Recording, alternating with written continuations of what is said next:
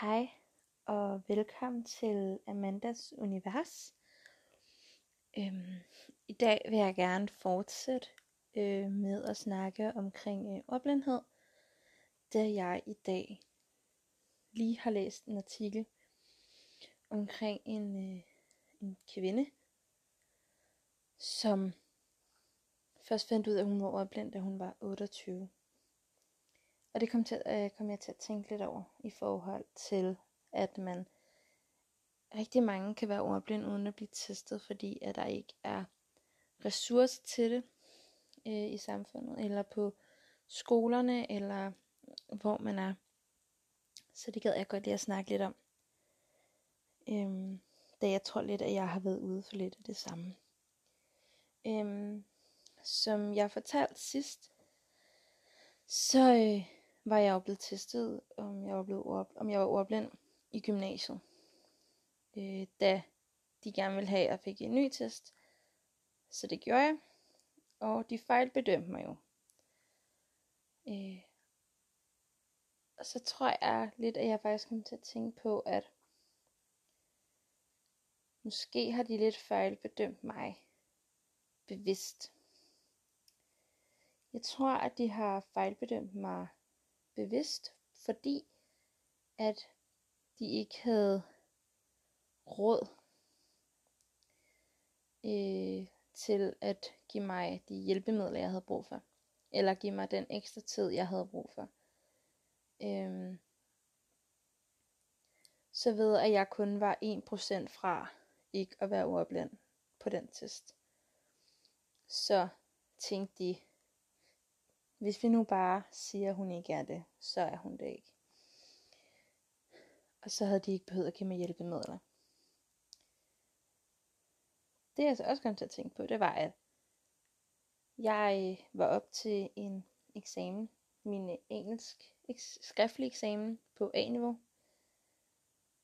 Og jeg fik 0-0. Og jeg tror, at hvis jeg havde haft den ekstra tid, som jeg faktisk havde behov for, er jeg ret sikker på, så tror jeg godt, at jeg ville kunne få 0-2. Men i stedet fik jeg 0-0. Jeg har accepteret det. Der har jo noget der. Engelsk er ikke mit bedste fag. Øhm, jeg har aldrig været god til det. Men alligevel, så tænkte jeg lidt, okay, jeg kunne nok godt have fået 0-2, hvis jeg havde haft den ekstra tid. Og hvis de ikke havde fejlbedømt mig. Jeg kan også tage fejl, de ikke er fejl på dem bevidst. Det er bare en tanke, jeg har. Fordi hende her pigen, kvinden, hun blev først testet ordblind, da hun var på højskole. 28 år. Højskole blev testet ordblind. Og hun har her som 34-årig fået en studentereksamen, som alle ellers har sagt til hende, det ville hun aldrig kunne klare. Men fordi hun blev testet ordblind, hun fik hjælpemidler, så klarede hun det. Hun har aldrig haft fri, hun har læst og læst og læst, fordi man som ordblind skal læse ekstra meget. Man skal læse samme mængde som alle de andre, men det tager en rigtig lang tid, så det føles som om, man læser dobbelt så meget. Øhm, jeg vil give et andet eksempel med mig selv, at jeg dumpede min øh, KLM-eksamen. Kristendomskundskab, livsoplysende medborgerskab, eksamen her lige før sommer i 2020.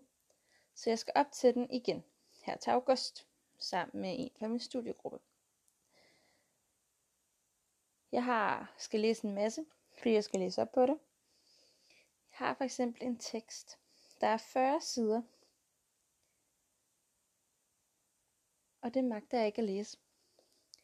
Jeg er begyndt på den, men jeg har læst syv sider, og det tog mig to timer. Og det gør ingen træt.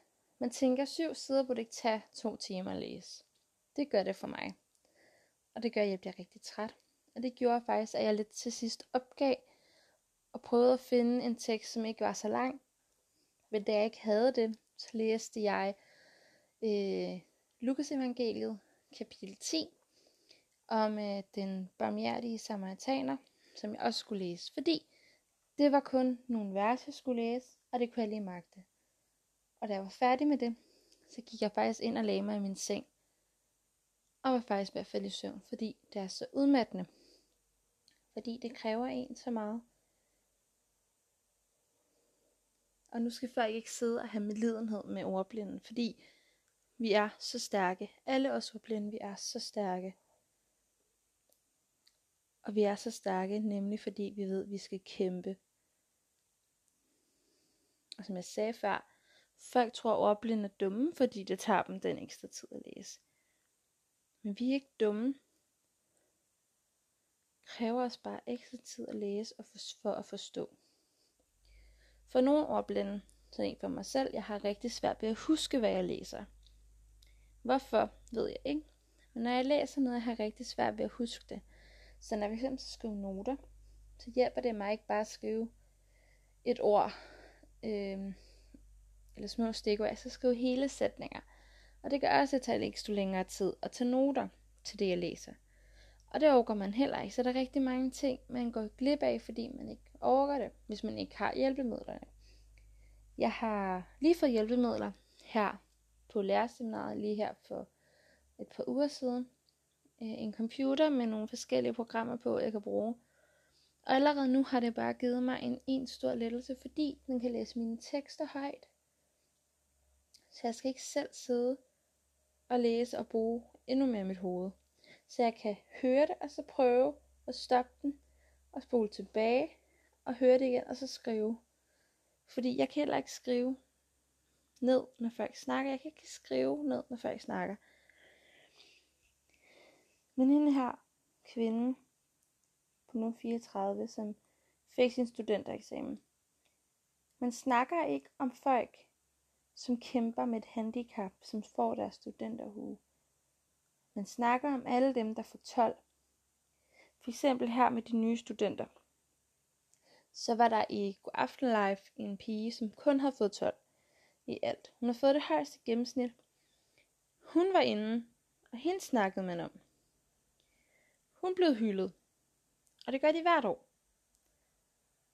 Dog var der jo også en anden pige, som har en, hun er den første, jeg tror, det, hun er den første i verden, med den sygdom, hun har, som får en studentereksamen. Hun kan ikke snakke.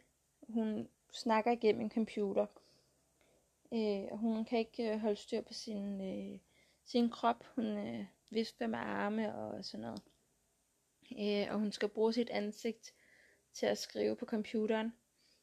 Hun var også inde. Og det var også super sejt, fordi hun har gjort noget, ingen andre har gjort, og hun har kæmpet for det. Men ellers så snakker man aldrig om dem, som kæmper ekstra hårdt. Dem, der er ordblinde, dem, der har angst, dem, der har depression, dem, der har ADHD, Asperger, alle de der, hvor man kæmper en kamp hver dag for at komme ud af sengen, for at komme i skole, for at lære noget. Dem snakker man ikke om. Og det synes jeg er forkert. Fordi jeg synes ikke, det er, jo, det er da sejt at få 12. Men når man er sådan en, der kun får 12, og får 12 hele tiden, så er det ikke sejt længere. Det er sejt at få 12 for dem, som kæmper for det. Dem, som ikke bare får det, fordi så det, det er hverdag for dem. Dem, som får 12 to-tre gange i deres liv. Det er sejt. Jeg fik for eksempel 12. Mit første 12-tal nogensinde fik jeg i gymnasiet i et fag, som hedder naturvidenskab. Det, der var mest nederen, det var, at den eksamen talte, havde en vægt på 0.